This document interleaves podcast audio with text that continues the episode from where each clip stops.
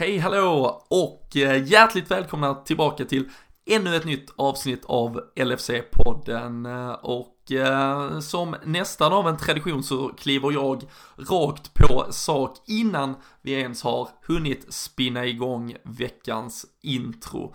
Men jag vill såklart uppmärksamma er på ett par saker innan vi kör vidare och Eh, dels såklart att vi fortsätter göra detta tillsammans med LFC.nu och våra vänner på spelbloggare.se. Det är ju där ni hittar alla de bästa oddsen på all europeisk toppfotboll och massa annan god sport. Eh, bonusar och annat gött kan ni också in och kolla upp och hämta hem.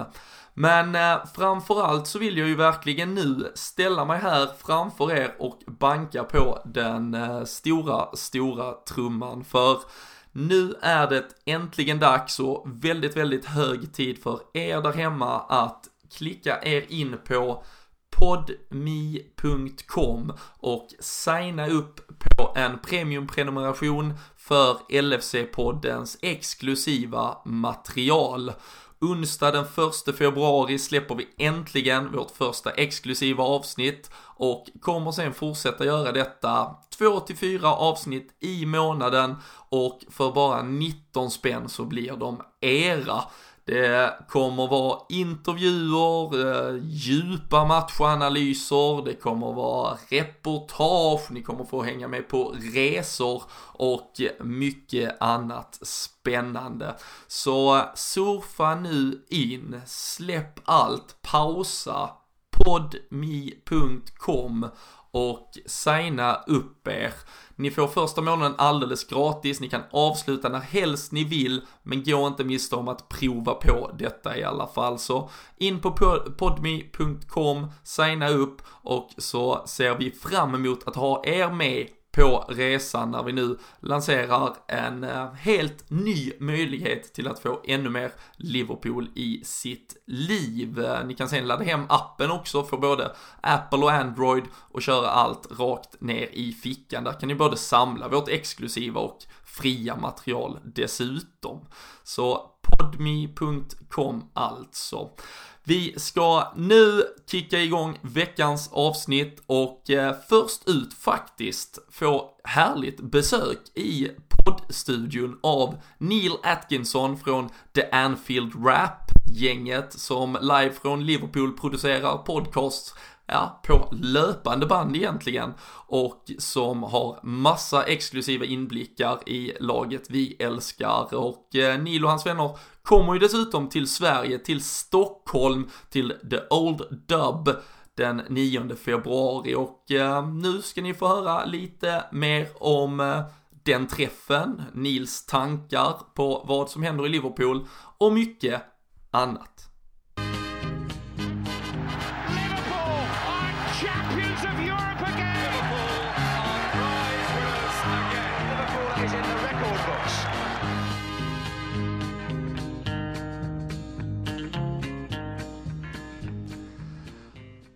So uh, here we are with uh, Neil Atkinson from uh, the Anfield Rap and um, Sweden calling out to you. Uh, how's everything with you? well, things are very good indeed. Uh, things are very good indeed in Liverpool City Centre today. Oh, wonderful.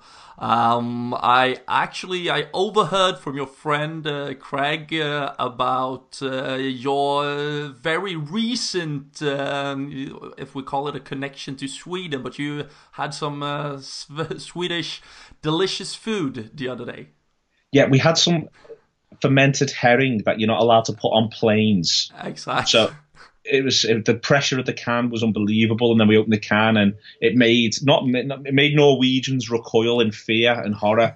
but not me and John. Me and John, we we, we ate the uh, we ate the herring. We were very very very bold, uh, and I actually quite liked it. I didn't like the smell of it, but I actually quite liked the, the, the salty the salty brine goodness. It was it was it was all right. I can imagine how you can you can you can have like a nice a nice bottle of spirits and yeah. eat something like that. That sounds like a nice afternoon. Uh, I'd say most Swedes need two or three bottles of uh, any liquor to to survive that. Um, just a, a, quick translation: it's a surströmming for uh, for those uh, who didn't know about it, but it's Um, it, it's quite a few now uh, that even eats it in Sweden, so I'm uh, impressed uh, with you guys uh, eating it. but uh, now we will uh, just talk to you a few minutes here because um, we know, and of course, our listeners, and I know many of our listeners are listeners to the Anfield Wrap as well. And now you're coming over to Sweden, to Stockholm on February the 9th. Will be a great night at the old dub uh, in Stockholm. Um, can we just hear a, a, a few words about uh, the Anfield for those who maybe don't know about you? Um, what are you doing? When were you founded? Um, just a short story. Yeah, we started the Anfield Wrap in 2011. Um, so it was uh, it was it was started right the way back then. And it started as a website and podcast, and then th- from there we grew and we were offered a radio show not long afterwards. And you know we were lucky that a lot of people liked what we were doing with the Anfield rap and the the, the way in which we tried to talk as Liverpool supporters from the centre of the city about being a Liverpool supporter and did so taking the football very seriously, but also not taking ourselves too seriously and looking to enjoy the game as much as we could. Uh, and then from there, as I say, we were offered a radio show uh, in Liverpool City Centre, and we we just continue to produce this podcast weekly about the, the, weekend's game and look forward to the weekend's game on a Friday. And then in 2015, we decided because we have this following, we've been doing live shows in Dublin and in uh, Melbourne and New York and you know lots of different places all over the world and lots of people were listening to us. We were lucky that people seemed to like it. We decided that we'd do more podcasts. So what we shifted into was the idea that we still do two free podcasts a week that people can listen to and they're available tend to be on a monday and on a friday unless liverpool play on a monday yeah. uh, at theanfieldwrap.com uh, but what we also offer is a product uh, called tour player. And what that is is an additional sort of 12 shows uh, which are around either deeper looks as previews or reviews of Liverpool games. Um, so we do a lot of that. We do history shows looking back at the at key seasons in the club's history. Uh, we do a show where we, we speak. We do a big weekend preview of Premier League football uh, with uh, where we get contributors who support other clubs. We don't just focus on Liverpool or Liverpool's opponents. And then we do that once the weekend's finished. We have a really good show called the European Show, which looks at main Europe, the, the top five leagues in Europe, and and we do that as well. And we, we also try to we do shows that are meant to be funny and meant to be an insight into Liverpudlian culture. We also do stuff around football culture and the way in which football is, for instance, policed in in Britain and in Europe. And we, we, we try to, wherever possible, sort of reflect the the idea of what of a Liverpool supporter's life it, from Liverpool city centre, but it isn't a closed shop as far as we're concerned. You know, Liverpool is the centre of Liverpool supporting, but it isn't the be all and end all, far from it. And we try to be as inclusive as possible and get lots of different voices on from across the country and also from the wider world. And we really enjoy that aspect and sharing the notion of what it is to support Liverpool uh, to a, as wide a community as possible and to love and feel part of this city. And so we very much are committed to mm-hmm. telling the story of supporting Liverpool from the heart of the city. Fantastic. And I, I know from, uh, of course, both following you on the social medias, uh, listening to your shows, I know you've also been able to have some of Liverpool's uh, greatest players ever even yeah. come on the show. Um, yeah, we've. I mean, we've, uh, we, uh, one of our earliest uh, special guests was Rafa Benitez, but you know, since then we've we've had a wide variety uh, of guests to come to join us to, to talk about different, you know, different aspects of them um, and what they've done as Liverpool players. We've had Xabi Alonso, uh, he's joined us relatively recently. We had Jordan Henderson, uh, Emre Can has been interviewed by us. We've done an interview with Daniel Sturridge as well. Um, we wherever we can, really, we do look to interview both players past and past and present. Um, and we've actually got something coming up which I'm going to let you have a, into a little secret about, where we've done a, a documentary, uh, an audio documentary on on on on Kenny Dalglish uh, and the day he resigns, and, and Glenn Hussein has contributed to that. Okay, fantastic. Of course, a very popular figure uh, for Swedish Liverpool supporters, uh, both on and off the pitch. Uh, Glenn, uh, fantastic, lovely man. man and um, and I know from social media Lucas Leiva is uh, a bit of a favorite, uh, and I think he he loves you as much. We had a lovely time with Lucas. Yeah, we had a, they all had a really good laugh with him, and he was he wanted to tell his story through supporters, and we were really yeah. pleased that he chose us to do that. And, you know, we really enjoyed we enjoyed being able to be, be part of that and it's it's interesting to think of that really that he's you know he's he joined Liverpool at the age of 20 and he leaves at the age of 30. It's very much a you know his adult life had up to that exactly. point been spent in Liverpool, so he's he's as much Liverpool as he is Brazilian. Fantastic. If uh, our Swedish fan base here, um, if some uh, maybe of any reason haven't signed up to uh, the, um, your your exclusive uh, product, uh, how do you do it? And if you just go go to the AnfieldWrap.com forward slash subscribe and everything uh, everything that you need is there. Uh, but come and listen to us anyway first at theanfieldwrap.com. We, as I say, we look back at the games. Everyone's we try to get as many people into the grounds as possible, watching the matches, and then talking about what it is. But as I say, not just what it is from a, a cold sort of quasi punditry point of view, but the idea of what it was to be alive that day in the football ground and, and loving watching Liverpool. Fantastic.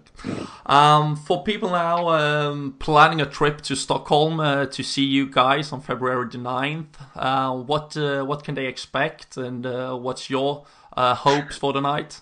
Oh, what they can expect is uh, something that's really rather over the top. Um, we we very much want to be a celebration of people's support of Liverpool and of Sweden's support of Liverpool, and that's that's the attitude. Yes, we will be talking about the team and we'll be talking about where the club is and what they maybe need to do next and and and, and how the season's panning out. But we very much want it to be be about the audience, and we want to share that with the audience. We want to share the idea of of what it is to support the great club that we all do support. Um, so I'm really looking forward to that, and that's what they'll see. Be a lot of a lot of music, a lot of noise, a lot of a lot just um, just something that's all a bit over the top and, and exuberant. And we expect, you know, we very much expect the bar to do very well on the night, and and if not, then I'll I'll lead the charge on that. uh, but we want it to be, you know, we want it to be a real, a real experience and adventure for people. And, uh, you know, we're aware that people might be coming from different parts of Sweden and all of that as well. And we want to be able to tell that story of the, of, of, of the collective sort of shared culture that we all have. And, and I'm, I'm really looking forward to it. It'll, it'll be the first, the, the first time we've done a show in a country where English isn't the first language, and that presents one or two small challenges. Certainly, when you speak as quickly as I do, but there is there is I think the what we look to do in all of the shows that we do is find that common ground uh, that, that that Liverpool supporters have wherever we do them in the world. So whether it's Dublin, Melbourne, New York, wherever it is, and now and now Stockholm, and then subsequently Oslo. That's what I'm looking forward to, and that's the bit that always always grabs us and grabs our imagination, and that's the you know that that that, that that's what the night will be about, and I'm I'm really looking forward to it. Fantastic. Um, unfortunately, now it won't be uh, with a game played on the same night, of course, uh, but uh, and maybe uh, with recent game uh, in mind, uh, the away game. Maybe we shouldn't talk too much of the the football as of exactly today. But uh, just a few words, thoughts on uh, Liverpool season in general. Um, what do you think? We we had an 18 game unbeaten run, and uh, of course after Monday, I, I I think we all felt something like, oh no, a typical Liverpool uh, or whatever. But uh, if we sum up the season um, and look a bit more sober on it, uh, what, what do you have to say so far about Liverpool? I think I think the season starts brilliantly, and then whatever happens around the time Mane gets sent off against Manchester City, it knocks us uh, in between that, that that that that little run there, and that. I still think that in many ways the club's ever so slightly, the season's ever so slightly recovering from that, and that's not because that's not because Liverpool haven't had a very good season. They have, but it's that Manchester City are having an absolutely amazing season, and that Manchester United um, and to a certain extent Chelsea, even though both have wobbled, they've both done really well to get lots and lots of points on the board. Uh, you know, I think that in any other season, Manchester United right now would be really considering a title. Uh, with the number of points they've got on the board, they may not be favourites, but they'd be very close second favourites. Whereas the gulf between them and Manchester City is so great. Uh, so it's what we're measuring ourselves against. And I think at the minute we look, you know, we've qualified from our Champions League group. We look far fresher at this stage this season than we did last season. Uh, we ha- we're going at the same sort of rate of points per game as we were last season. Uh, we are in the top four and we have a little bit of a buffer. Uh, on uh, on on the on the sides behind us, and hopefully, will that buffer will continue to grow over the next couple of games. So there's lots of reasons to be cheerful. I think that this side shouldn't be scared of playing any team in Europe. Uh, they should really shouldn't be shouldn't be scared of anyone, and they can go deep into the European Cup. They can go deep into the FA Cup. Uh, and they can they can still make a big push for to be second uh, come the end of the season. I think transfers wise, it's great to get Van Dijk in. it's a blow to have lost Coutinho, and I do think that they do need to maybe look to add one more player. Yeah. But I think you know I, I, I think we're in good shape. We're not perfect, uh, but we we, we we we will never you'll never be perfect. But we're not we're not that far away. And the recent victory against Manchester City tells the story of the quality that's in this team. However, you know they've got to keep putting it together. Another 18 match unbeaten run would be absolutely phenomenal for the football club, and that should be the focus. Yeah, I think you're you're onto something very similar to what uh, we talked about in our show um, last week um, with the the thing that Liverpool of today is it's in good hands and it's it looks very good in many ways. Uh, but you also mentioned that maybe the extra player adds something little here. Um, and I think if you look in social media, it divides very big uh, with with fans that screams for for signings, we have to do something big. But I think if we maybe just close it down a little, I think all of us just want the same thing. We want us to push that extra, the, the little extra step. Uh, because as you said, we, we might go, uh, we could probably end up third, second. We could go to a quarterfinal, even a semi-final in the Champions League. Even maybe with the squad exactly as of today. But but do you feel where, where, where, do you think Liverpool have to go to take that next step? I think one more. I, I, I think one more very good player this window will make a big difference to help just be able to rotate. Uh, because. I think what, what the manager's done brilliantly this year is rotation. Uh, and I think that you know he's he's vindicated in the way in which he's rotated his squad up to this stage of the season by how fresh they look. But part of that is because he's had quality attacking options.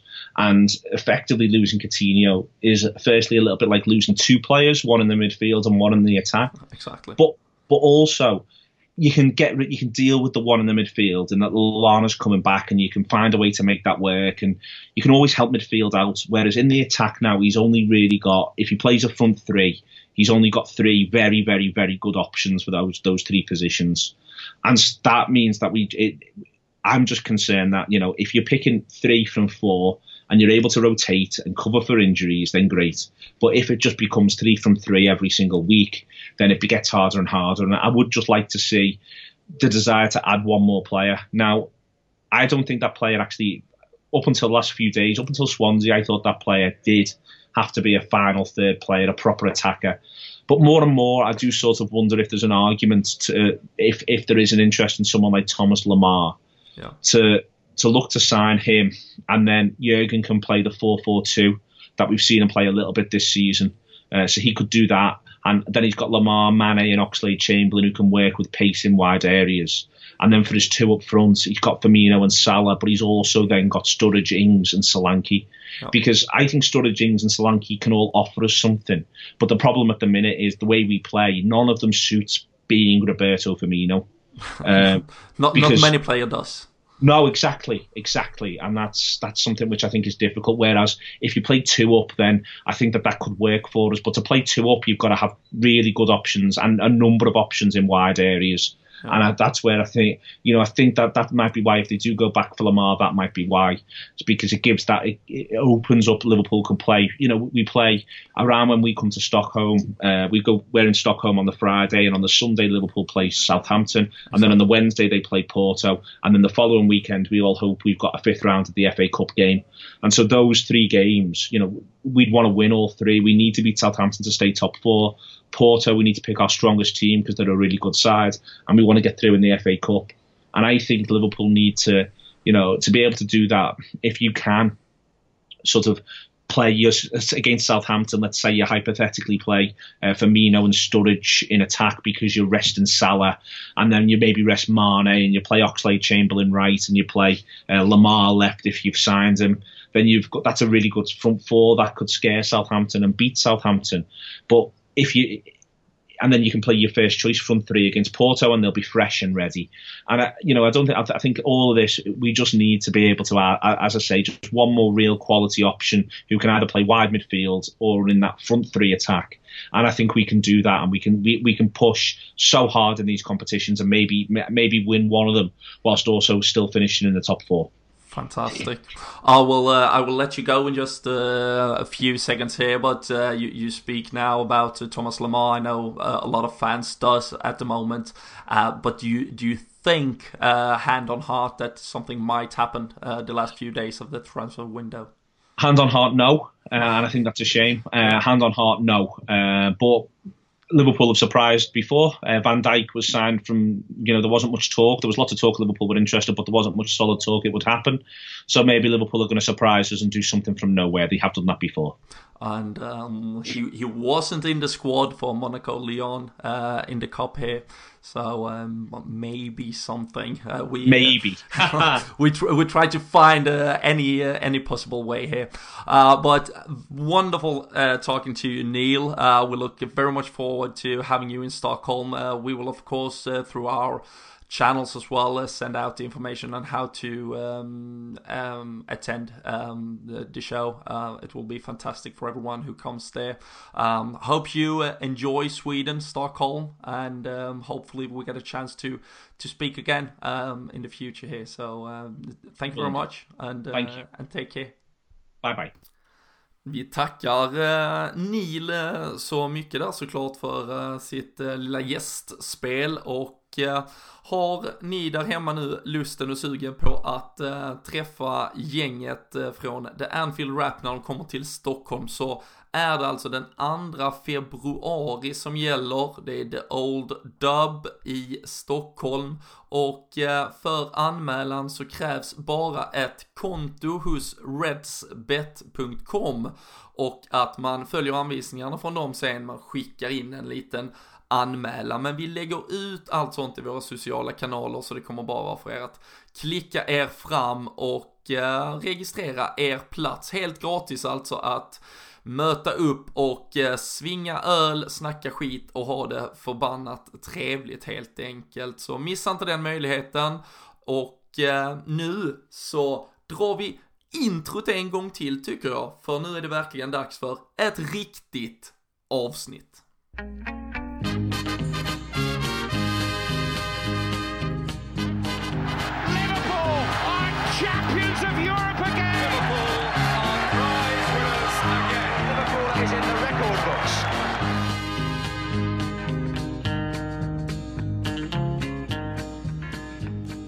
Jajamän, och eh, då sitter vi här på andra sidan eh, introjingen och eh, är klara för det här riktiga avsnittet då. Och söndag morgon Uh, stor eloge uh, till, uh, till mig själv lite så jag sätter någon medalj och även Daniel Forsell och Fredrik Eidefors som Rise and Shine uppe tidigt denna söndag trots att man någonstans borde kunna få lida av någon form av mänsklig bakfylla Dan efter det vi upplevde igår lördag kväll framför våra datorer eller tv-apparater hur man nu löste biffen.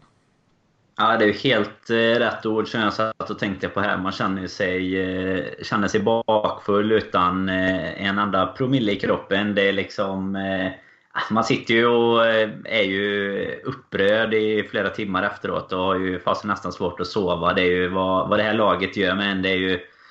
Nej, för fan skriv, skriv det på min gravsten bakfull PGA Liverpool.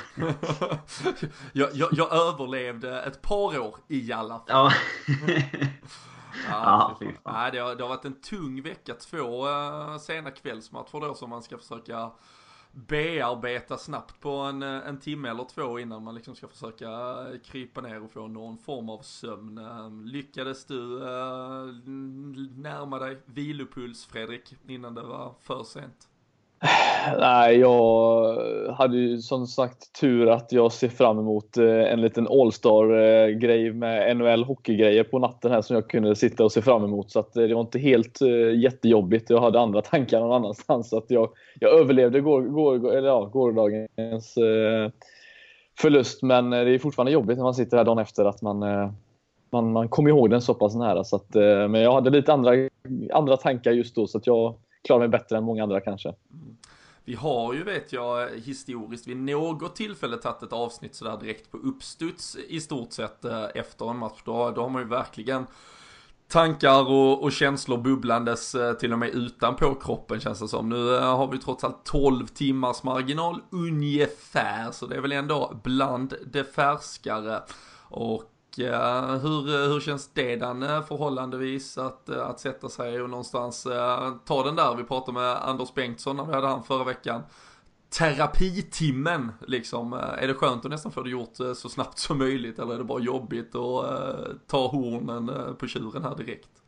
Nej, men det är lika bra egentligen tycker jag. För man, man är ju lika, ända fram till nästa match är man ju lika besviken på det som har varit tycker jag när det är sådana här insatser som vi hade mot Swansea. Och nu igår då så eh, är det fasen lika bra att bara, bara köra på och smida medan järnet är varmt lite sådär. Men Samtidigt så tycker jag att en, en natt sömn emellan gör ändå att man, eh, man hinner eh, ah, lugna sig lite. Jag tror att vi satt, hade det varit en förmiddagsmatch som man hade satt sig på kvällen liksom och, och poddat så hade det varit ett, fortfarande lite känslor som, som bubblar på ett annat sätt tror jag. Att nu har man lite varmt blad men äh, det, det blir, man blir kanske inte mer positiv för det men man blir inte riktigt lika... Ja, man ska inte bränna upp Melwood imorgon om det är så. Ja. liksom. Hade ju varit intressant. Så nej, det, det kan vara bra.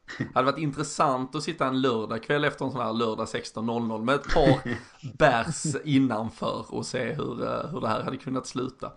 Men eh, nej, som sagt, ett par timmars eh, sömn har väl åtminstone gett oss någon form av nykter inställning till detta. Om än att jag tror att vi kommer nog inte genomlysa någon eh, positivitism eh, bara på grund av det. Och eh, vi hörde ju innan vi nu drog igång, om vi ska kalla detta det riktiga avsnittet. Jag hade ju äran att under veckan prata med Neil Atkinson från The Anfield Rap.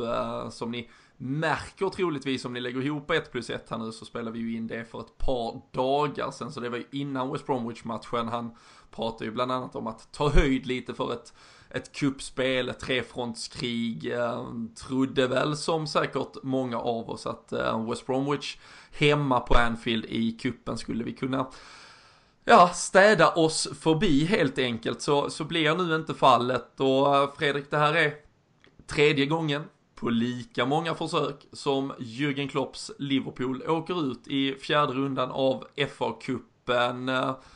Eh, West Bromwich igår alltså, förra året mot Wolves också på hemmaplan och året innan dess krävdes det ett omspel visserligen men vi lyckades inte vinna hemmamötet mot West Ham och åkte sen ut på bortaplan.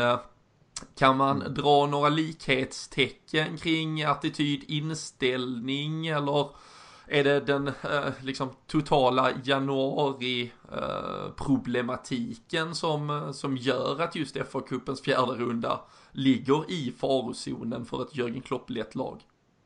Eh, jag tror det har att göra en hel del med vilken, eh, alltså vilket läge vi är inne i nu. Vi är inne i januari, vi har spelat halva säsongen. Eh, vi har inte i något av åren haft en särskilt bred trupp och har vi haft en bred trupp så har kvaliteten inte varit tillräckligt bra därefter. Så att, eh, och framförallt det kan man ju se att nu tyckte jag att gårdagens match var den absolut sämsta av de tre som han har eh, just åkt ut i. Och, eh, i, ja, det här är ju det laget som var kanske bäst av de tre dessutom som presterade sämst. Så att, eh, jag tror det är någonting med Jörgen Klopp och eh, hans eh, envishet att, att ja, truppen är tillräckligt bra helt enkelt. Men eh, den har inte varit nu på tre försök på samma tillfälle och eh, jag tror inte det är en slump eh, utan det är, det är någonting de behöver kolla sig i spegeln och, och ta, ja, ta tag i. Men tyvärr så tror jag den eh, spegeln inte är riktigt fungerande. Så att eh, det kommer nog inte bli alltför stora förändringar därefter tyvärr.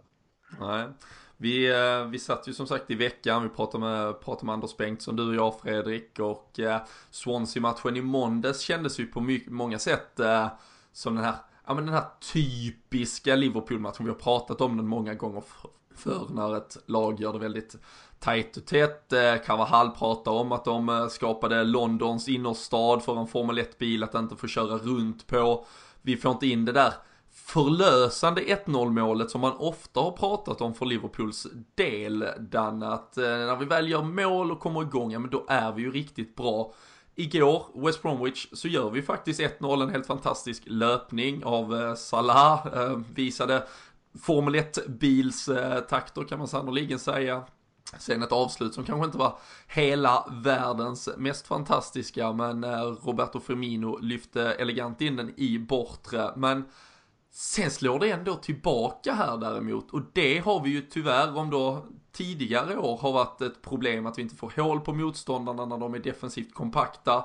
Nu fick vi det ännu en gång, men tyvärr lyckas tappa det och nu ger ju inte kuppspel poäng, men om man pratar i det i poängtermer för att ändå symbolisera detta, och vi har ju nämnt det för denna säsongen, så har vi alltså nu 17 tappade poäng. Vi har 8 ledningar som har förvandlats till antingen kryss eller förluster. Eh, det här är ju tyvärr då ett, ett extra fenomen och sätt vi inte vinner matcher på. Nej, och så är det ju. Framförallt mot eh, den här typen av motstånd eh, har man ju nästan alltid haft en viss trygghet i att gör vi första målet ganska tidigt så, så kommer vi kunna, kunna städa av dem ganska så enkelt. De tappar lite modet och sådär. Men här är väl problemet att West Bromwich ställde sig inte ens eh, som, ja, för utan, undantag i slutet kanske, men att de körde den här Swansea-taktiken. Att de skulle bromsa ner oss. Utan eh, nej, de, de eh, vågar ju gå fram och lyckas ju göra egentligen två snabba som, som egentligen sätter press på oss direkt. För det, det är någonstans det här att vi... Jag vet inte om man hamnar i någon sorts vad ska man säga, alltså någon trygghet, någon falsk trygghet. Att ah, nu gjorde vi ett tidigt mål, det har, det har hållit så många gånger förr. Om det är det som gör att vi, som du säger nu då, åtta matcher. Att vi, det är ju för fasen... Eh, alltså vad är det? En tredjedel, en fjärdedel av alla matcher vi har spelat liksom. Så att det... Jag vet inte om det är någonstans en trygghet som det försvaret kanske någonstans känner att eh, nej men nu nu, nu är de igång igen, eh, ungefär anfallet, och de, de kommer rädda oss ungefär. Men eh, sen är det väl mittfältet kan jag tycka som är, är väldigt obefintligt i den här matchen som kanske gör att vi tappar framförallt de här två första målen. Men eh, jag vet fasen inte. Det, nu känns det inte som man kan vara trygg på, på något sätt. Liksom. Vi, kan, vi kan inte stå och mata ner ett lag och vi kan inte ta en ledning för då, då invaggas vi istället i någon falsk trygghet. Så Nej, det är väl inte, det är inte de mest positiva tonerna efter, efter en sån match. Men jag skulle nästan vilja säga att det kändes första, fram till första målet, så tyckte jag ändå det kändes som att vi, vi kom ut på ett helt annat sätt än just Swansea-matchen. Det kändes som att det var mycket rörelse i laget. Det var, vi hittade lite fina kombinationer i början och så kom det 1-0 målet och då, alltså känslan då var ju verkligen att det kommer bli en helt annan, ja, att ja, nu är vi tillbaka liksom. Nu, nu, nu är den här Swansea-matchen helt borta. Men så sker det ju liksom, jag tror det var 71 sekunder och sånt där. Efter, efter Firminos mål och då stod vi med 1-1 tillbaka, eller ja, 1-1 målet där. Och eh, det liksom, känslan var så positiv fram tills dess, liksom från avspark. Det kändes som att det, det var ett helt annat Liverpool. Men det var det också, för att det blev betydligt sämre än vad det blev i Swansea-matchen. Så att eh, man hade väl delvis rätt, fast på ett annat sätt då. Mm. Det är ju faktiskt eh om vi tar eh, någon form av eh, brytmärke där efter eh, sex minuter och det målet vi gör så, så finns det ju faktiskt fog känns det som Fredrik att påstå att det här är den sämsta matchen åtminstone vi någonsin har suttit här och poddat om i efterhand, ja. det vill säga fem år tillbaka i tiden. Det var ju ja. verkligen ett... Ja, jag, kan inte, jag kan inte komma på en match annars som har varit så här, alltså där vi varit så, så, vad ska man säga, så öppna och så tydligt dåliga i defensiven. Alltså, vi har ju visst vi har släppt till kanske lite onödiga chanser så i många matcher, men det här var... Alltså West Bromwich har väl, hur många matcher har de vunnit sen januari, eller sen augusti, typ två eller tre stycken. Mm. Men det ser ut som de gör detta vecka in och ut. Så det var... Nej, det var... De har vunnit en ligamatch och så FA-cupen. Eh, ja, det, det är... Helt, och ja. uh, Jay Rodriguez då, den enda spelaren vi inte har köpt från Southampton, uh, gör såklart uh, två uh, jävligt eleganta också i och för sig mål, uh, snyggt, snyggt avslutat som anfallare. Sen att han får komma i situationerna kan vi väl diskutera lite mer kring.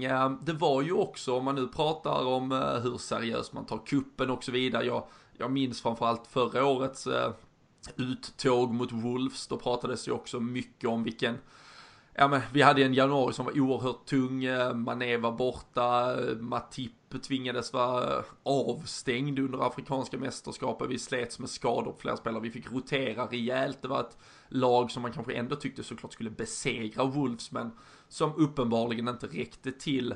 Nu till mångt och mycket var det ju den bästa elvan jag tycker det är några intressanta saker att diskutera kring det Danne där. Och det är ju för det första att den här elvan till mångt och mycket var den som var ganska usel mot Swansea. Och ändå får i stort sett alla förnyat förtroende. Vi har också en Premier League-match om bara, ja när vi sitter här idag så är det bara om två dagar mot Huddersfield. Och det kommer ju inte gå att slita ut de här hela tiden och Samtidigt pratar Jörgen Klopp om att han är ganska nöjd med truppsituationen och så vidare. Vad, vad sänder det för signaler? Vad får du för känsla för vår, ja men för vårt lag att spelare som faktiskt inte ens levererar får återkommande chanser i startelvan?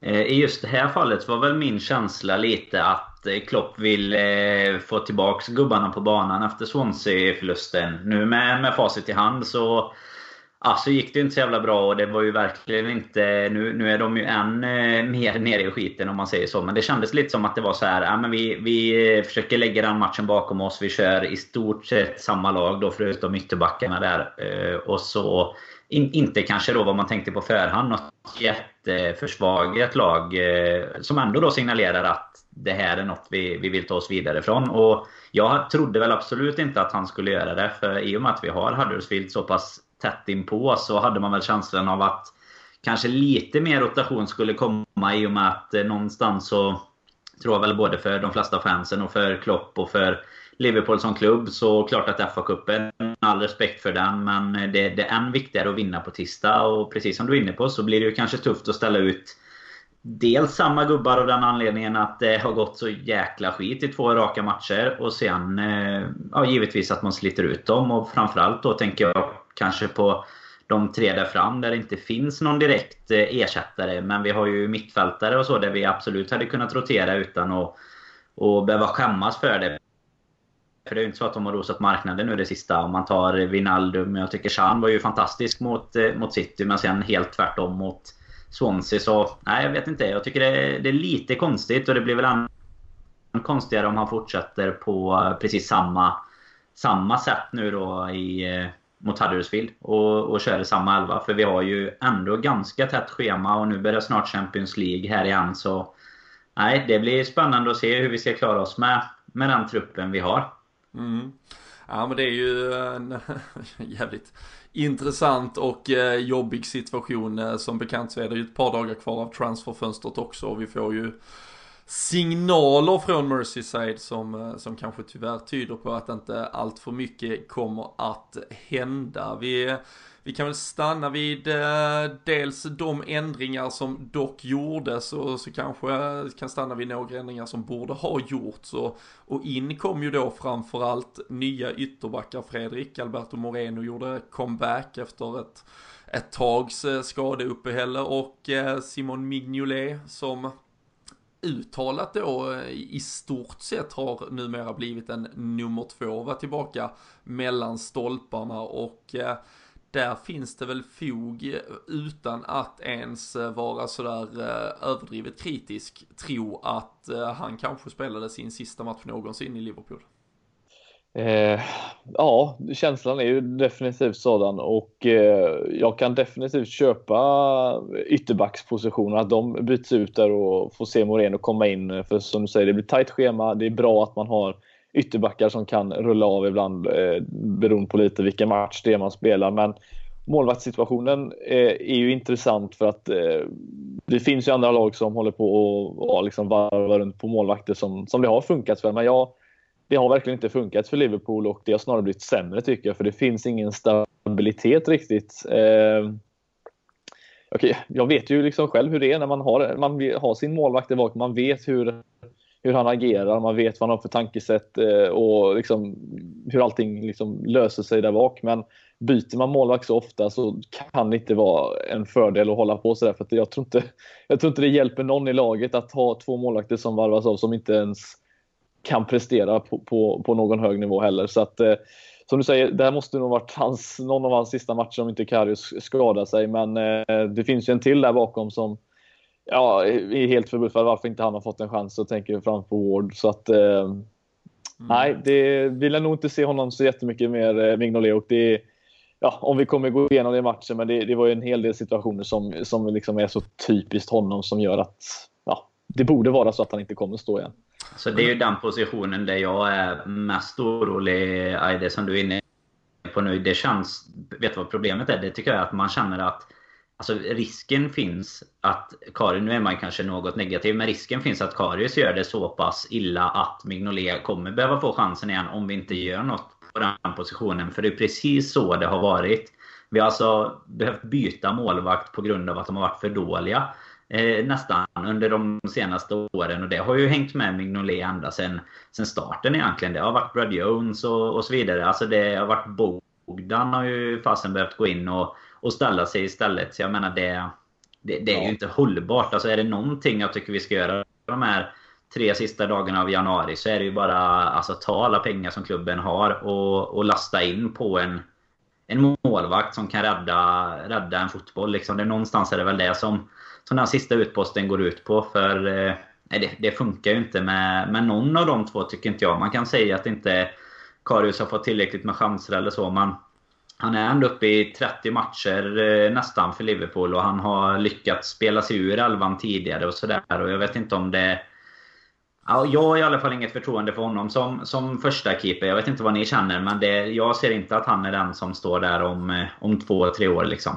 Nej, det är ju eh, inte, inte känslan man, eh, man instinktivt har fått heller. Och vi, vi, vi kan ju stanna lite vid eh, målvaktssituationen och även väva in gårdagen lite mer i detalj. Och jag tycker för det första ni är inne på något ganska bra här vad gäller den här tryggheten och stabiliteten. Vi pratade om det mycket i höstas när det laborerades med mittbackspar till höger och vänster där vi ganska unisont också kom fram till att visst, vi, vi kanske inte är nöjda med just spelarna som finns där, men bestäm dig då för två, bestäm dig för att det är Matip och Lovren och så låt dem spela 20-25 matcher tillsammans och så bör man åtminstone få den här, ja, kontinu, liksom plussidan av kontinuitet åtminstone som man kan se någonstans. Att man har en målvakt som Mignolet som blir uttalad etta Eh, man uttalar att Loris Karius bara ska vara en kuppmålvakt. Mitt i säsong så gör man i det tysta ett par starter extra för Karius som börjar liksom leda en in på att nej men nu har han ju fan ändrat sig här. Och sen slänger man tillbaka Mignolet in i ett i, i, i ett lag där man håller på att spela in ett försvar. Van Dijk till exempel som varken hade spelat med Alexander Arnold eller eh, Alberto Moreno eh, innan detta. Och, och får liksom bara kladdkaka av hela skiten. Och där måste ju Jörgen Klopp någonstans eh, fan rannsaka sig själv i hur han har coachat här vad gäller både målvaktsfrågan och försvarsfrågan. Och det är ju det har väl varit vida känt att han har prioriterat och liksom jobbat fram en offensiv som är eh, otroligt bra. Men det känns som att det är på så en jävla basic nivå vad gäller ett par val han har tagit i det försvarsmässiga. Att det liksom är, ja men det, jag vet inte om det är liksom utom räddning, om han faktiskt helt, helt unisont blankt fan skiter i vilka val han tar där. För han kan ju inte jag vet inte, eh, Fredrik du får gärna fylla på, ja. men, men jag, jag, kan liksom inte se hur han sker, alltså hur någon tränare kan säga, eller när han sitter i någon dialog med John Acterberg till exempel att, ja men fan, knäck målvakten lite här nu mitt under säsongen. Han är, han är, han är petad och så sen slänger du in han här en match i liksom en nykomponerad backlinje så kommer du säkert få se en jävla superinsats av honom. Ja, nej, men det, det, det som du säger, det här är ett mysterium. Jag tror, om jag inte läste det fel, att detta var Mignolets två... Han har spelat över 200 matcher för Liverpool. Ja, 202 var det. Ja, eh, alltså hur många chanser ska man egentligen få? Alltså, vart har Liverpool satt ribban när det kommer till med, alltså, att vara medioker och få liksom, vara en, en spelare? Eller, jag, jag, vi pratade med Anders också förra veckan som sagt eh, att många spelare till förra avsnittet i alla fall, att flera spelare som, som återigen får chansen trots att de inte presterar. Men jag, jag, hur, hur långt ska det behöva gå liksom? Det, förr eller senare kommer ju Salah och Mané och Firmino lämna bara på grund av de här anledningarna att det ser ut som det gör. Och det, då har Klopp inte råd att liksom bygga en del först och ta den, sen, den andra senare. Utan det, du måste ta allting på en och samma gång. Och framförallt så måste de ha hjälp för det här. Han och hans stab har ju inte lyckats förändra någonting försvarsmässigt. Och det är oroväckande för att alla andra lagen runt omkring oss verkar ha någon form av stabilitet som kanske då match någon gång liksom i månaden eller i halvåret liksom eh, svajar till det. Men vi gör det ju vecka in och vecka ut. Det, det är inte hållbart. så att eh, jag vet inte riktigt hur, hur Klopp ska vända detta för att även fast vi gick obesegrade under en hel, ja, ganska lång period så var det inte övertygande på något sätt och det var en hel del kryss inblandat där också så att nej, så stabilt som det kanske ser ut på pappret och har gjort de senaste månaderna har det inte riktigt tyvärr varit. Framförallt var det inte försvaret som, som gjorde att vi tog oss igenom de 18 matcherna obesegrade kan jag tycka. Och där är du inne på rätt spår. Att det var ju de, de blir så ofta räddade av, av ett eh, grymt anfallsspel. Det är bara att ta City-matchen. Nu är det visst ett lag vi slår dem och bryter deras sjuka svit. Men att vi ens ska behöva vara nervösa när vi leder med 4-1. Eh, liksom och, och gör några tafatta ingripanden så att de fasen nästan är, är på gång att kvittera. Så sådana bitar, det, det liksom syns ju inte efteråt eller vad man ska säga när man tittar på resultatraden. Men eh, väldigt ofta så är det ju, som vi varit inne på så många gånger förr, såklart anfallet som som avgör matcherna snarare än att försvaret hjälper oss att, att ta de där poängen. Ja men det är bara att titta i den här, förlåt, alltså i den här Nej. 18 matchersperioden så är det ju alltså vi, har, vi tvingades göra tre mål borta mot Sevilla för att få med ett, ett kryss. Vi tvingades göra tre mål på Emirates för att få med oss ett kryss. Vi tvingades som sagt göra fyra mål mot Manchester City hemma för, för att ta en seger. Så, så exakt som ni är inne på så har det ju knappast varit försvaret som har gnetat till oss eh, avgörande poäng i den här eh, långa mm. härliga perioden. Ja, och, nej, och det, sen är det ju kollar man liksom, Klopp får ju, han får ju alltid frågan efter matchen eh, försvarsmässigt. Det är ju det han har fått de senaste veckorna. Och, och igår var svaret it is what it is. Alltså han, han, han, jag tror att, visst han är nog trött på att få frågorna med, men han kommer ju få dem tills han löser problemet. Ja, och, så, så jävla gött om man har eh, bränt 800 millar på en mittback också. Så ja, men det är vad det är det här. Ja, nej men det är liksom, det är som att det här kan inte göra, jag kan inte göra något annat med detta. Men eh, det, ja. Mm.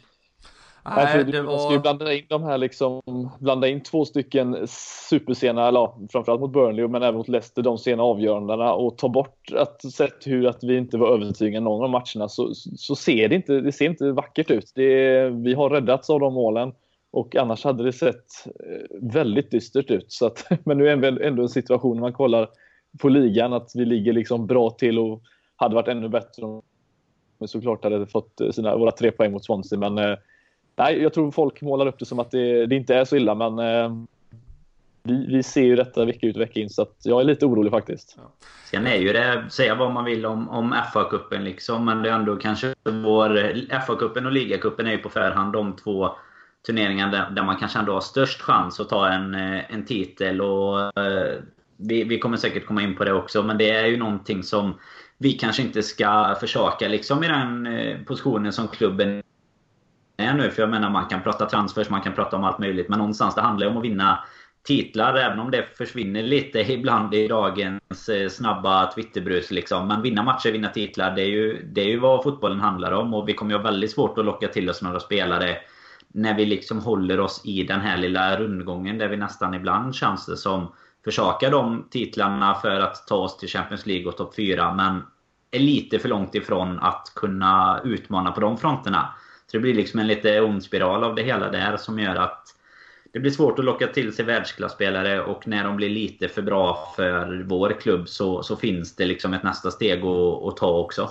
Ja, och det, mm, vi, vi har varit inne på det, jag vet att vi pratade om det för ett par veckor sedan det här kring eh, liksom vikten av topp 4 och, och, kanske inte nödvändigtvis kontra vikten av att ta en titel, men vi, vi hade det uppe lite för diskussion och det har ju varit i någon form av etableringsperiod. Vi hade såklart ett par eh, ännu mer liksom dystra säsonger där vi eh, kom sjua, åtta och så vidare. Och det är klart att en etablering i Champions League är oerhört viktig i liksom dagens fotboll om man säger så. Men det är ju också det här med att visst, det, det ger en ekonomiska förutsättningar som då tyvärr ändå vissa klubbar skaffar sig på väldigt många andra sätt. Men det är ju klart att det finns någon form av liksom USP i förhållande till när man ska ut på en transfermarknad under sommaren, att man har ett Champions League att locka med. Men, men ser man till sin befintliga trupp så måste ju också den truppen som är där få liksom vara med och känna att i Liverpools tröja så uträttar jag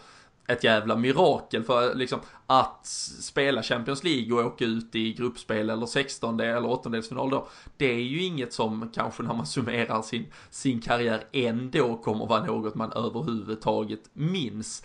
Så det handlar ju om att i det här, det är ju klart att ett kontinuerligt liksom återbesök i Champions League är skitviktigt, men att ge truppen titlar om det så bara är en ligacuptitel, om det så är fa cuptiteln som, som nu Liverpool också har gått oerhört många år utan att bärga, så måste vi få in det i klubben. Vi måste ha spelare som får prova på att lyfta en pokal. Jag tror att det sprider och ger så jävla mycket för framtiden, en vinnarmentalitet. Det, alltså det liksom svetsar en grupp och man känner liksom fan suget på mer liksom. Om Salah hade fått vara med och vinna en fa Cup-titel nu, sin första säsong i Liverpool, ja vad kan jag vara med och vinna nästa år eller nästa år och nästa år? Nu så kommer vi återigen gå in i en vårsäsong, likt vi har gjort de senaste 4-5 åren i stort sett, och med kniven mot strupen spela för att klarar vi inte Champions League, ja men då är allt åt helvete, då får vi nog fan börja om igen i sommar. För det kommer att vara, och det är hur jävla dystopiskt det än må låta, ett Liverpool som om vi åker ur Champions League i åttondelsfinal, missar topp 4, så kommer det vara bud på en Salah redan i sommar.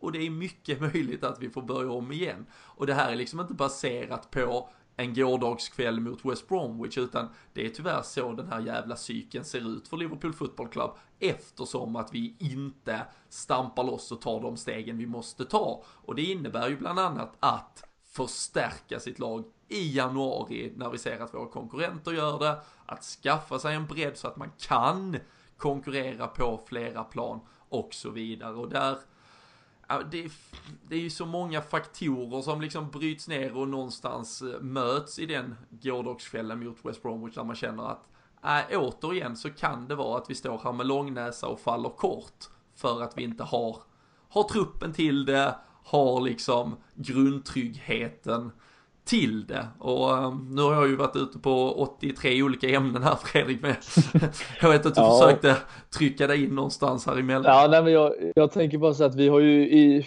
som sagt, flera år suttit och kanske småskrattat lite åt, eh, åt Arsenal och deras eh, att de eh, liksom åker på storstryk mot Bayern München, Barcelona och liknande Champions League. Och visst, vi har ju åkt på storstryk mot Eh, ja, Real Madrid och andra lag sådär, så det är inget pinsamt i det. Men de har ändå under den perioden gått och, och vunnit den eh, FA-cupen två år i rad och varit Ja, de har ändå varit där och vunnit de här grejerna. Och jag, alltså, ta en sån match som igår när vi, vi är ett, ett mål ifrån att få med oss ett kryss och ett omspel.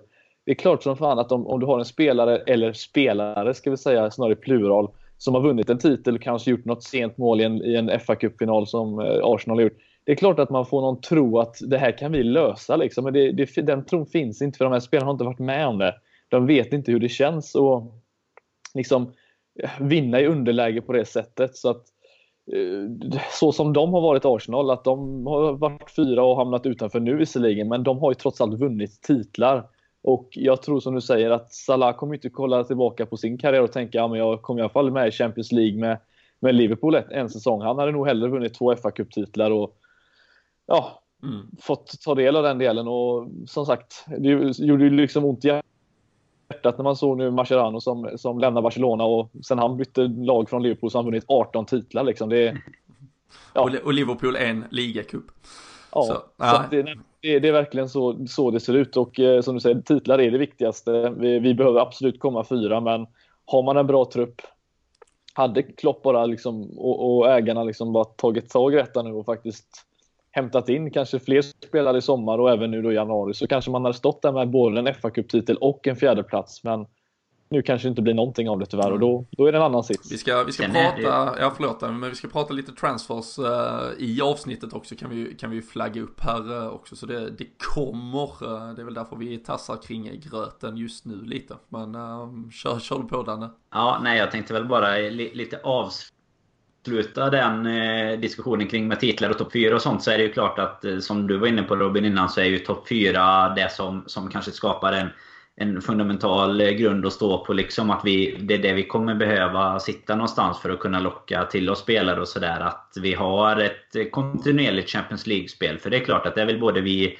supportrar var och spelarna vill vara där, klubbarna vill vara där. Det, det, är liksom så fotbollen ser ut idag. Men ser man som supporter, som liksom vi tre och ja, men alla som lyssnar är så... Jag menar det är ju titlarna man minns. Det är ju de här även semifinalerna i finalerna. Liksom, det, är, det är de matcherna man kommer ihåg. Det är ju inte gruppspelet i Champions League eh, man, man minns sen. Liksom, utan det är ju de de matcherna, även om det är ligacupen, liksom, man, man, sitter och kallar det kalanka cup när den drar igång. Men är man väl med där i kvart, semi, alltså tar man sig till final, då, då är, sitter man ju och är, är jäkligt nöjd om man kommer därifrån med en titel. Det är ju det det handlar om. Liksom.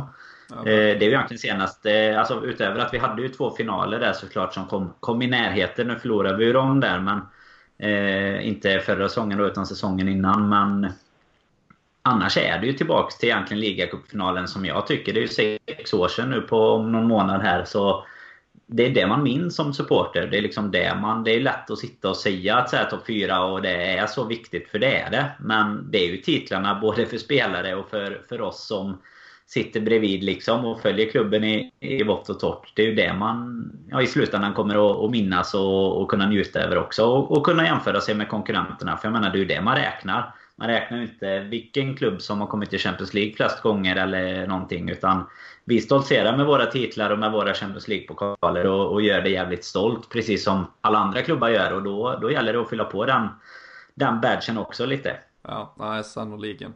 Jag eh, slängde ju faktiskt ut på Twitter lite kanske som att liksom eh, slänga, eh, jag, jag, vet inte, något till någon som är väldigt sugen på något speciellt. Men efter matchen igår slängde jag ut på Twitter också huruvida man just känner kring det här med att vi kommer att bärga titlar och om vi överhuvudtaget kommer att vinna någon titel med Jörgen Klopp som manager. Och det handlar väl egentligen inte om att ta tempen på liksom Jörgen Klopp som just manager, utan där får man ju väga in det är den här ledningen som finns, det är den här ja, transferstrategin som uppenbarligen verkar finnas och så såklart får man väl ändå som någon komponent i det väga in Jörgen Klopps matchcoachande, hur han ser på de olika turneringarna och så vidare. Men 56% eh, tror faktiskt inte på en titel under Jürgen Klopps ledning och Självklart att den siffran kanske är något skarvad i liksom, eh, ja, den, eh, det humör som såklart råder efter en sån förlust. Men, men jag tror inte att det hade varit liksom 90% som tror att vi skulle vinna titlar bara för att vi hade kört den här omröstningen efter City-matchen. Och eh, Fredrik, liksom att, att hälften av oss här ute och i stugorna inte ens tror att den här ledningen, den här managern, den här truppen är stark nog till att vinna en titel. Det är alltså ändå ett projekt som Jörgen Klopp har bearbetat under två och ett halvt år. Det, mm. det måste ju vara någon form av varningsklocka. Ja, nej men alltså jag kan ju säga att, jag eh, kan ärligt säga detta, att jag var en av de eh, procenten som, som tryckte nej på den frågan. Och det, det är inte liksom bara Klopp utan det är snarare det här Liverpool som vi ser idag. Alltså, den här uppsättningen av de som styr, och de som spelar, tror jag inte har vad som krävs för att ja, gå, gå och vinna en, en viktig titel. Så att, eh, nej, jag, jag, är lika pessimistisk tyvärr, även fast jag sitter vecka in och vecka ut och verkligen liksom biter naglarna på att detta ska gå, gå vägen. Men eh, jag är inte säker på att det, det kommer göra det tyvärr eh, förrän det blir lite förväntningar. Jag tror Klopp kommer Klopp och de som styr behöver liksom släppa sina värderingar som de har på vissa delar för att detta ska gå vägen. Och eh, jag tror inte de kommer att göra det heller. Så att, eh, därför eh, är jag lite med i den skaran som eh, känner samma sak där. Att det, det ser inte jättelovande ut när det kommer till titeldelen för Klopp. Nej. Nej, vi får, eh, vi får såklart, eh, eh, vi får väl summera det i kanske all nykterhet efter säsongen här.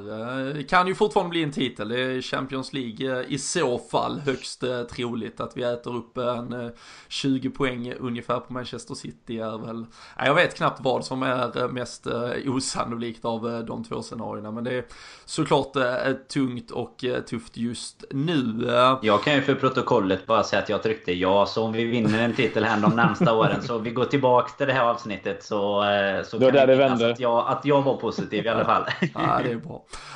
Um, något vi uh, kanske ska vara positiva kring, åtminstone just igår, även om det till syvende och sist inte gjorde någon skillnad för resultatet, ehm, så var det kanske, och eh, som lite skämtsamt har eh, florerat rätt rejält i sociala medier under kvällen och natten sen Liverpools bästa spelare, spelaren som räddat fler bollar än Simon Mignolet den här säsongen, Video Assistant Referee, VAR. Um, det var ju premiär för um, Anfield att få uh, skåda bekantskap med detta fenomen.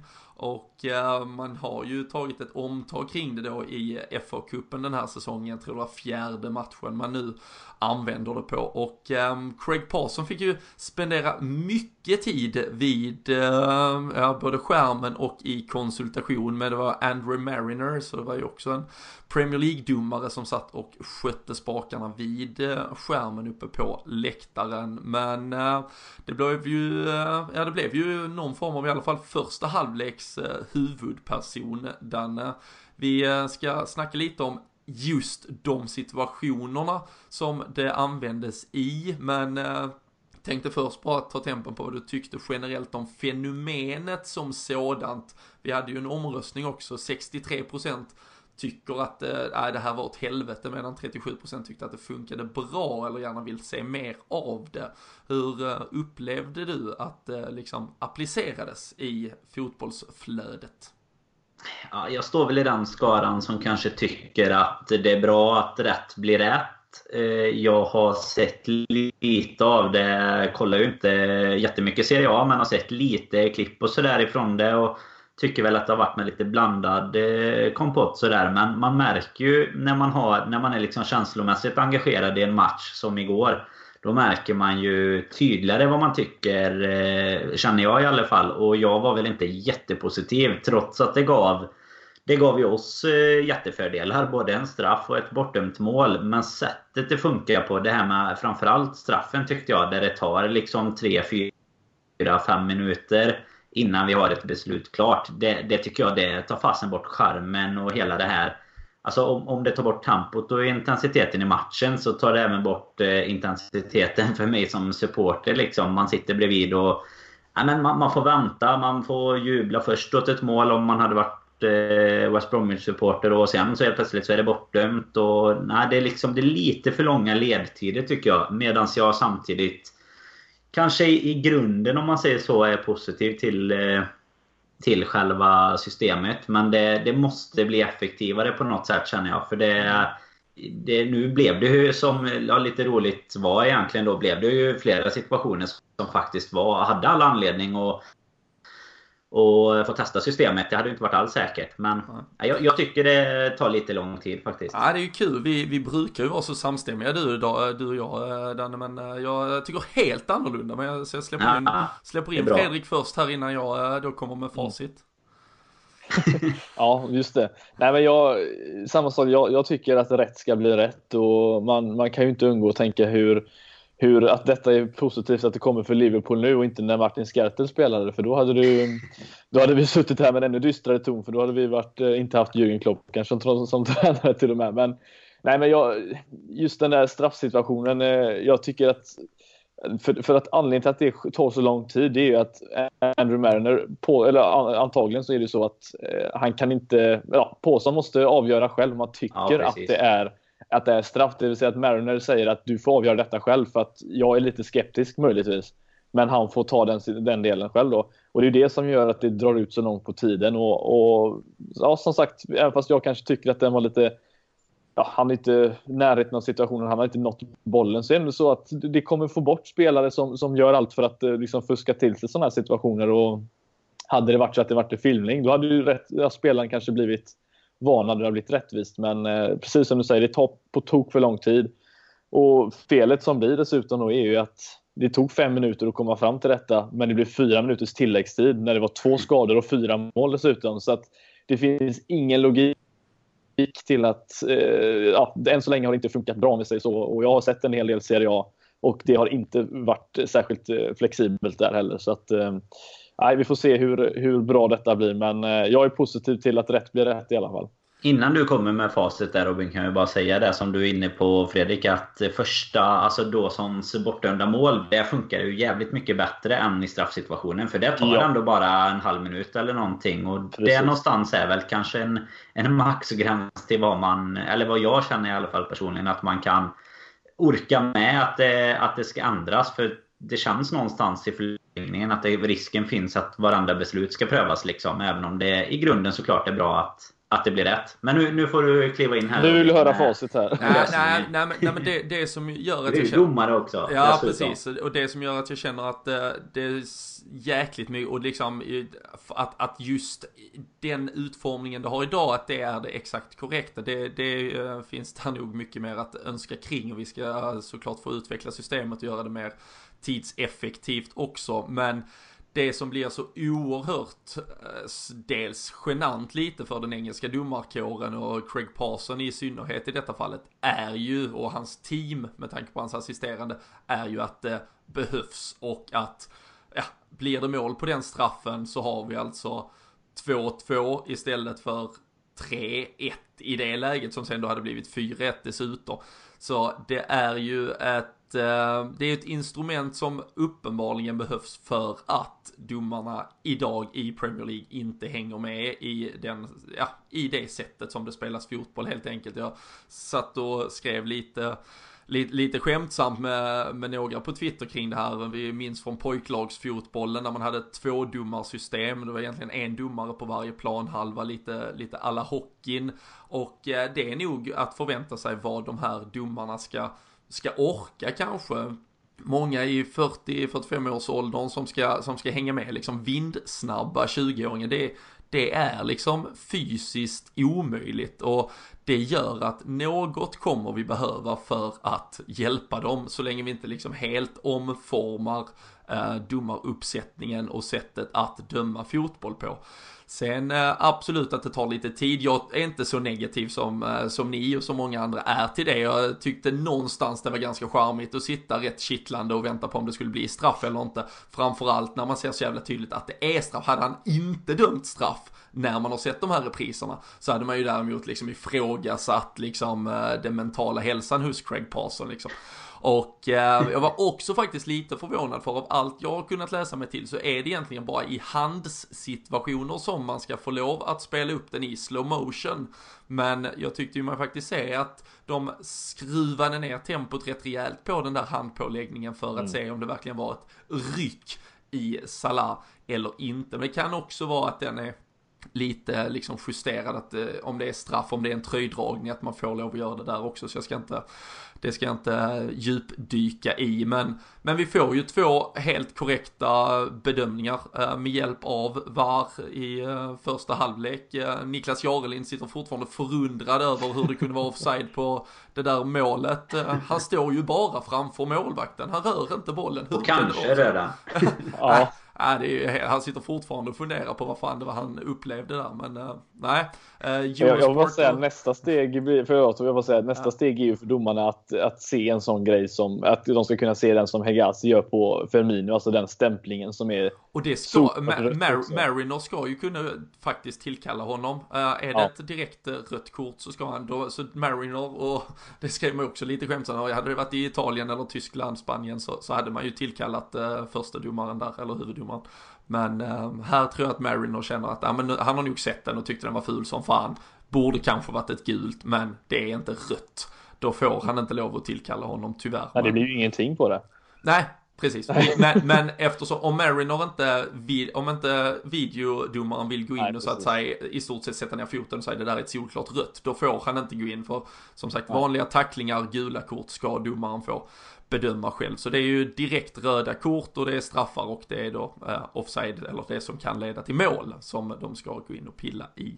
Men äh, så jag tycker fan ändå att eh, jag tyckte det var bra, jag tycker man ska fortsätta utveckla det och eh, jag tror att eh, det kommer ju tajtas ner de här men, men jag kände egentligen inget större bekymmer kring det. kan vara en helt annan upplevelse på plats där man då själv inte får se de här bedömningarna utan bara ska stå i tre minuters jävla förvirring och sen få ett beslut till sig. Det tror jag som supporter är jävligt frustrerande. Men som tv-tittare så tyckte jag det var en jävla lyx att se en domare faktiskt revidera sitt, eh, ja, ja, sitt omdöme och ta rätt beslut. Så eh, jag, jag slår nog fan ändå på eh, vartrumman och, och hoppas vi får se mer av det i förbättrad version framöver helt enkelt och har som sagt räddat ett mål mer än Simon Mignolet i år så bara en sån sak gör ju att man blir lite sugen på att se, se mer av det. Det kan, kan behövas fler. Känns ju också jättegenerell eh, egentligen eh, åsikt kring det eller uh, lite input att bra lag med, med reservation för vad Liverpool då är just nu har en fördel av det.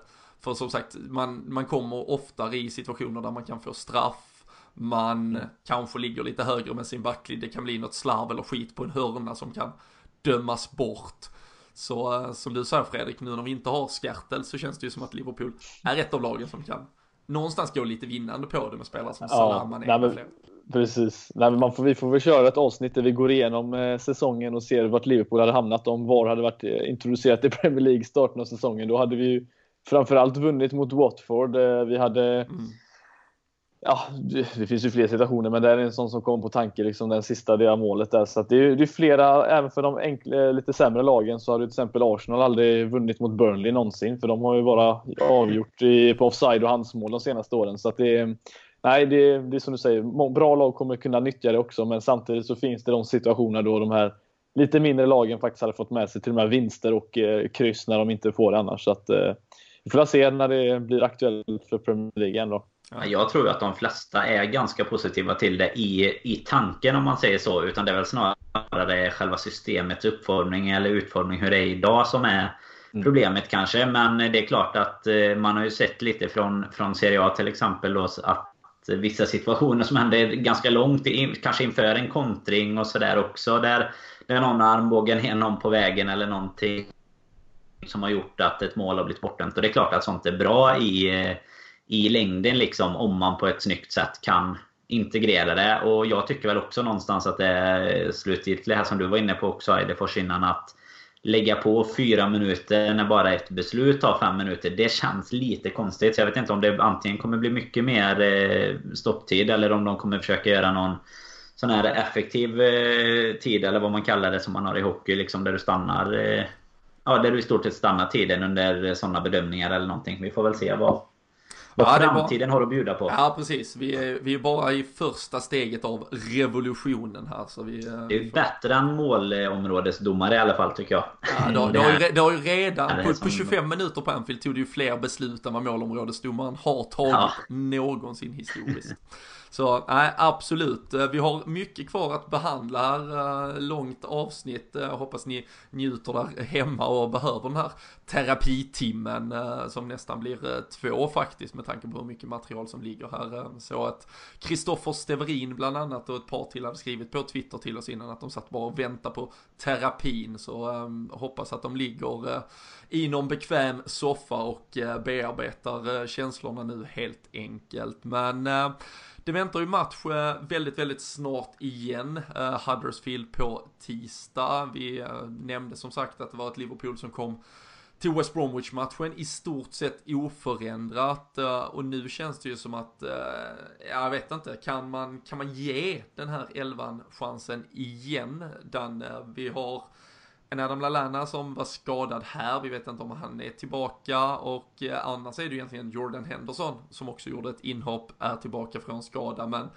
ett Liverpool som på något sätt måste ruskas om ordentligt för att vakna till liv. Ja, jag hade väl absolut kunnat tänka mig att, att sätta in Henderson istället för Vinaldum till exempel på, på tisdag. Det tycker jag inte hade varit så konstigt. Robertson tillbaks in mot Moreno. Eh, jag hade väl eh, absolut kunna tänka mig efter Matips insats igår och, och vila honom en match. Han har väl inte rosat marknaden det senaste heller. Så eh, absolut, det finns förändringar att göra tycker jag. Det, även om inte vi har den, den största bredden i världen så tycker jag vi har en del vi kan, kan pilla i inför nästa match faktiskt. Mm. Det var ju många som eh, kanske framförallt inför West Bromwich och ni var inne på det tidigare hade, hade förväntat sig kanske att vi skulle rotera för att just vila lite i den där fronttrean som, som numera har jag vet inte, ett helt berg av ansvar vilande på sina axlar. Nu blev det Danny Ings och Dominic Solanki på bänken, Daniel Sturridge utanför truppen även om han anses skadefri. Klopp sa efter matchen Fredrik att eh, nej, men vi, vi kunde bara ta med 18. Eh, han valde att ta med de 18 som, som då var på plats. Eh, Danny Ings, den enda av de två offensiva som faktiskt ens kom in när vi då så febrilt jagade en kvittering vi hade ute på Twitter eh, inför matchen faktiskt angående just Sturridge, behålla honom, inte behålla honom. 57% vill faktiskt behålla honom. Eh, jag hade lekt med den hypotetiska tanken att vi kunde få 15 miljoner pund, sälja honom. 43% hade tagit det medan resten då inte vill riskera bredden. Men Finns det någonting i det här offensiva vi kan göra? För som sagt, det känns väl annars, Loris Karius lär gå in i mål, Robertson går in som vänsterback, Gomes troligtvis. Vi, vi behöver inte stanna vid en slakt av Alexander Arnold, men han var horribel igår. End of. Uh, Jordan Henderson troligtvis in på mittfältet. Bör väl vara på bekostnad av Gino Wijnaldum kanske att man spelar Emre Can lite mer box to box. Men uh, offensiven där och Daniel Sturridge vara eller icke vara. Hur, hur känner du kring det och att han är den som uppenbarligen verkar ha fått, ja, men fått respass ur truppen? Eh, av dem så skulle jag väl säga att det är ju bara han, alltså Sturridge och Firmino som jag skulle säga är tillräckligt bra för att starta som eh, ensam anfallare, även fast de då har rätt mycket hjälp av eh, Salah och Mané så sett. Men Eh, skulle man liksom laborera och göra runt lite, eh, lite förändringar så skulle jag väl säga att om man kunde göra så som Klopp gjorde lite i början av säsongen, det vill säga att man fick se lite av två anfallare till exempel. Tror jag till exempel en Danny Ings hade mått bra av om han hade fått komma in och spela tillsammans med Firmino snarare då. Då tappar man heller inte just de andra spelarna som man får göra annars då i att man måste byta ut en Salah eller en Mané. Eh, men eh, Alltså Sturridge ska spela. Han ska kunna komma in och vara för de här. Jag vet inte riktigt. Vi vet ju inte vad som har hänt därefter, men eh, uppenbarligen tycker Klopp inte att det är någonting han tycker om. Om det är hans attityd eller om det är hans eh, ja, brist på att springa så mycket som han vill, det vet vi inte. Men eh, han borde ligga bättre till. Han borde ligga före båda de två, för eh, ingen av dem har rosat marknaden när det kommer till Ings och Solanke. Så att, eh, jag, jag jag Eh, tycker det är fruktansvärt konstigt att Sturridge inte ens sitter på bänken och han borde definitivt säsongen ut vara den som kommer in eh, när det behövs ett mål och inte en Dannings. Nej, nej, det känns ju så. Jag skrev en krönika om det på LFC.nu i fredags. Eh, jag märkte att fan man öppnade någon Pandoras ask där det blev eh, hus i helvete. Folk verkade tro att man, man hyllade Daniel Sturridge. Min kontenta var väl att vi inte hade råd att släppa honom i januari. Och det står jag ju verkligen fast vid idag med tanke på att inte verkar vara någon speciell spelare på väg in för att liksom förstärka den där offensiven som jag tycker har fått sig en törn i och med eh, tappet av Coutinho. Framförallt det här att han hade möjlighet att spela på två positioner, både mittfält och anfall. För det, det ger oss så jävla begränsat med möjligheter nu hur vi kan formera den där offensiven och eh, det jag känner skulle kunna vara aktuellt om man nu inte vill rotera in varken Sturridge, Ings eller Solanki är väl snarare att gå till, som du nämner, ett 4-4-2 här mot Huddersfield. Spela faktiskt Jordan Henderson tillsammans med Emre Can på ett innermittfält, ett tvåmannamittfält. Spela Mané och Oxlade Chamberlain på varsin kant och spela eh, Firmino och Salah i ett tvåmannaanfall. För det känns också som att vi behöver ruska till det lite vad gäller, vad gäller den taktiska approachen. Uh, Huddersfield kommer ju verkligen uh, kämpa med näbbar och klor här. Vi uh, mötte ju dem under hösten efter att de precis faktiskt hade slått Manchester United på hemmaplan. De, de kan ju liksom locka fram en, en, en, en stor match om matchbilden blir rätt. Sen har de ju haft, liksom haft det väldigt, väldigt tungt i långa perioder nu här och kommer väl vara coachkampen då mellan Klopp och sin gamle vän Wagner i Huddersfield. Men det känns som att Liverpool måste göra någonting eh, och ehm, spelare in och ut är det ju inte mycket om vi tar på offensiv planhalva att förändra. Så det känns väl snarare som att han måste gå till det taktiska egentligen. Och det får man väl nästan hoppas att vi gör. Och sen eh, väntar ju Tottenham till helgen också och då eh, det kommer börja slita på spelarna helt enkelt. Men det är ju ett, ett val som Klopp om han inte sparkar in dörren till ledningen och liksom kräver att få en spelare till eller två in i truppen lär behöva leva med för eh, det känns ju inte som att offensiven framförallt har, har att erbjuda det som krävs för att kunna vila någon av Salah, Mané, Firmino just nu. Tror ni att vi får se någon Milner på tisdag? Från start? Ja, men jag det är ju om, om vi fortsätter spela ett 4-3-3 så tror jag absolut att vi kan se ett mittfält. För det har varit ett mittfält som har varit under all kritik i två mm. raka matcher. Eh, Gino Wijnaldum och Emre Can har ju inte ens gjort skäl för halva veckolöner och Oxlade har väl kanske varit den bästa och det säger jävligt mycket om hur usla de andra har varit i så fall. För man, man hade ju rent av kunnat liksom byta ut alla tre och ingen hade haft en möjlighet att klaga eh, om till exempel en Lalana hade varit redo att spela Henderson, Milner, Lalana i stort sett. Men jag har väl, ja det, det är mycket möjligt. Jag, men jag tror Milner är väl den, den tredje av de tre man hade bytt in. Eh, tror jag, om jag ska gå in i Jörgen Klopps eh, keps i alla fall. Ja, nej, men det är som du säger. Det, det, han, han, alltså det är intressant med Milner just det att han, han, eh, han gör ju egentligen mer nytta, eller det känns som att han gör mer nytta än vad Wijnaldum gör i alla fall, även fast han kanske inte får ut någonting av sina passningar och sina ballonginlägg som jag har eh, hyllat så mycket under tiden han har kommit till Liverpool. Men han, han, han får ändå spelet, han rör sig ändå en hel del. Han, försöker. Det är det som, och det låter så tragiskt att säga att i ett Liverpool att han försöker i alla fall. Det känns som att det ska krävas mer. Men Milner erbjuder i alla fall någonting som jag tycker Wijnaldum just nu saknar. Men alltså står vi här och har ett mittfält av en Lalana, Henderson och Milner, då Oh, herregud. Då, då, har vi inte tagit många steg framåt sen Europa alltså, League-äventyren 2011. Men, men, det intressanta som du säger, det är just det där, just, ja, nu tycker jag att Liverpool, vi har inte, liksom, eller Liverpool generellt sett har inte kvaliteten att kunna spela ett tvåmannamittfält. Det finns ingen mittfältare som är så bra som är så bra offensivt och defensivt som de klarar av alltihop skulle jag säga. Emre Can kanske gör det helt OK så sett, men vi har sett att 4-4-2 kanske inte är den optimala lösningen, men i ett rent... Om vi tar, på, ja, att gå över till ett 4-5-1 när man försvarar och har då kanske en Firmino som droppar ner och, och jobbar ganska hårt. Och så har man en Salah som ligger där uppe och nosar på alla kontringar. Jag tror att det hade kunnat vara en, en, en väg att få det enkla spelet att rulla på i alla fall. Eh, på bortaplan framförallt då.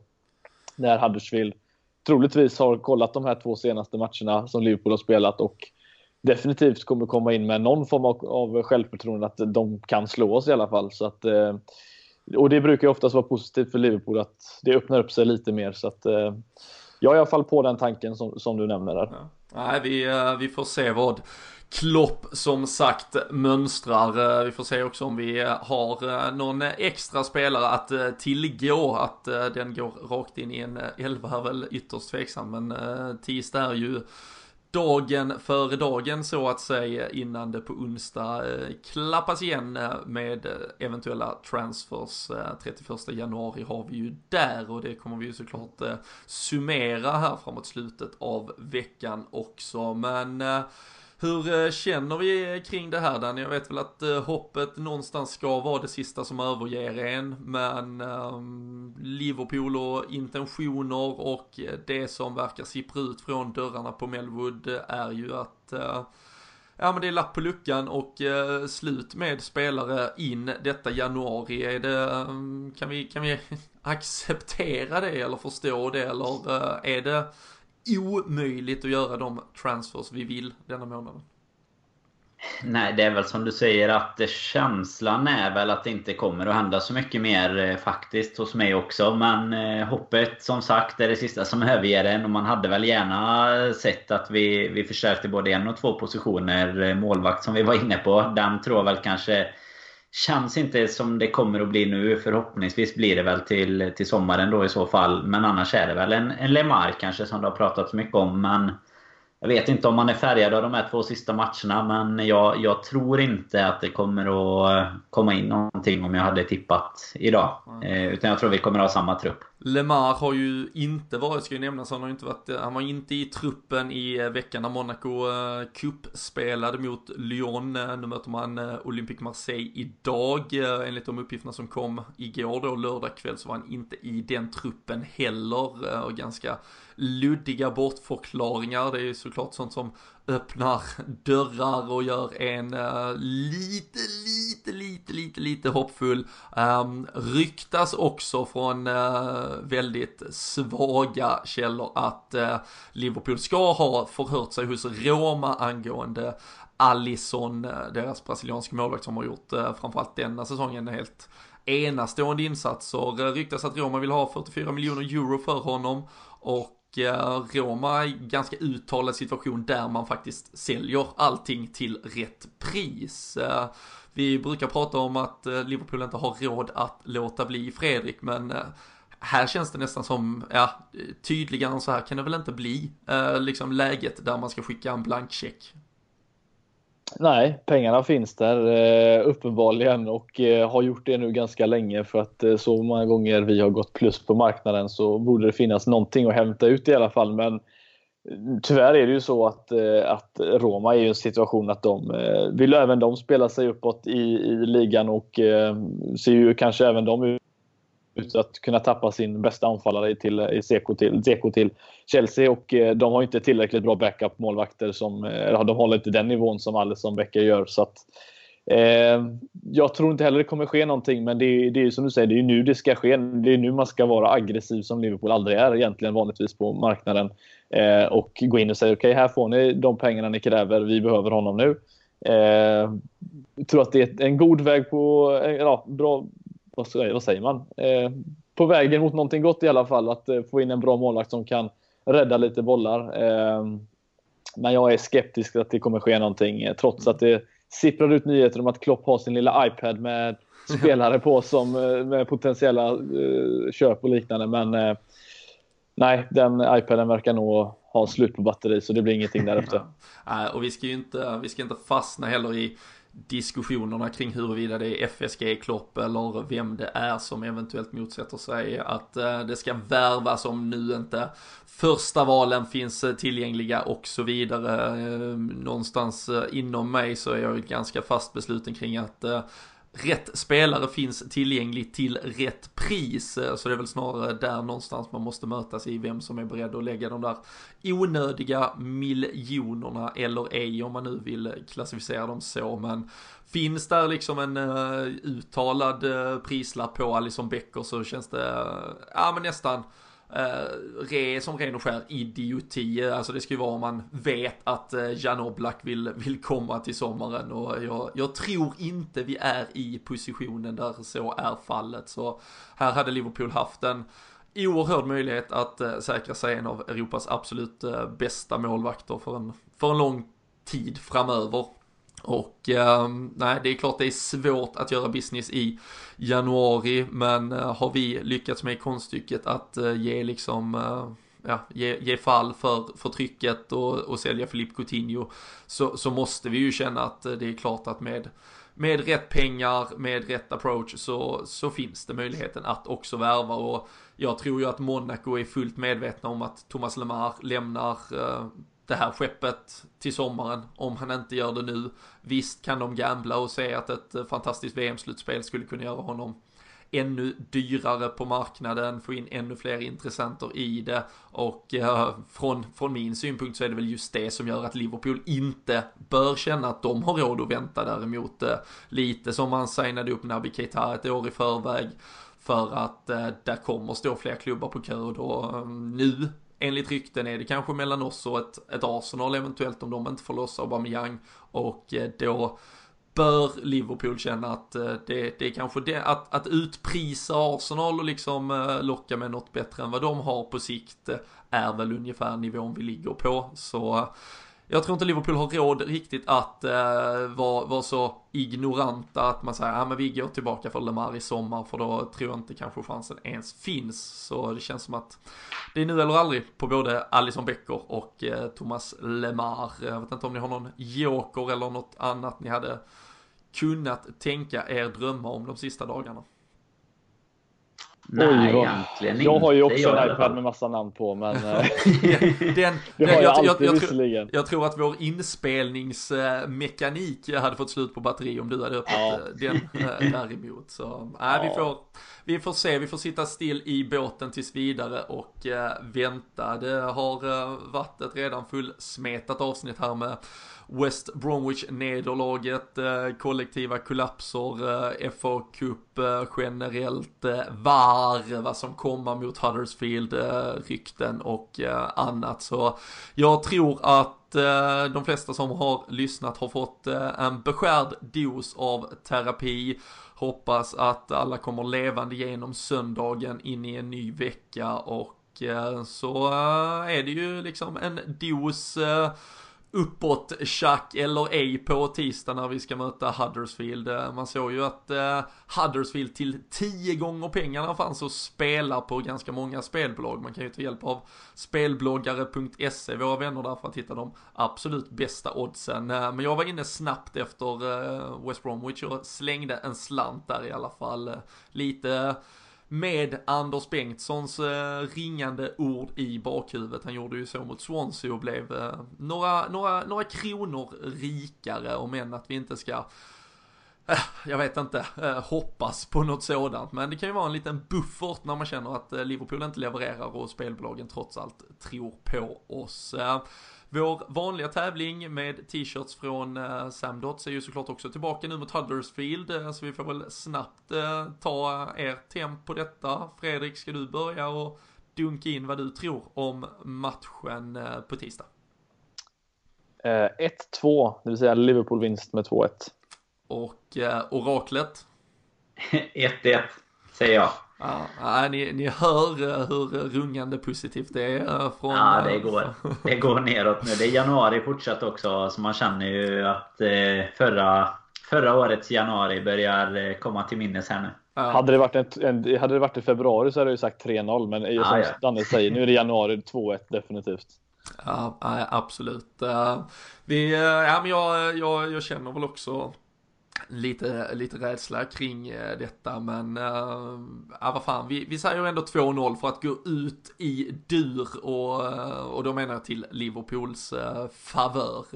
Det, ska ju såklart inte kunna bli ett, ett tredje så här horribelt resultat. Men äh, som sagt, vill man, vill man ta lite, ja, ta, ta, ta det i beaktning och liksom ändå ha någon form av fallskärm så kan man ju in och kika spelbloggar.se, hitta sig fram och, och lägga något bett på att eh, David Wagners mannar eh, ställer till det återigen för eh, Liverpool och sen så är det ju verkligen hög tid, ni hörde om det i början av avsnittet, ni kommer kunna börja läsa om det i våra sociala kanaler nu.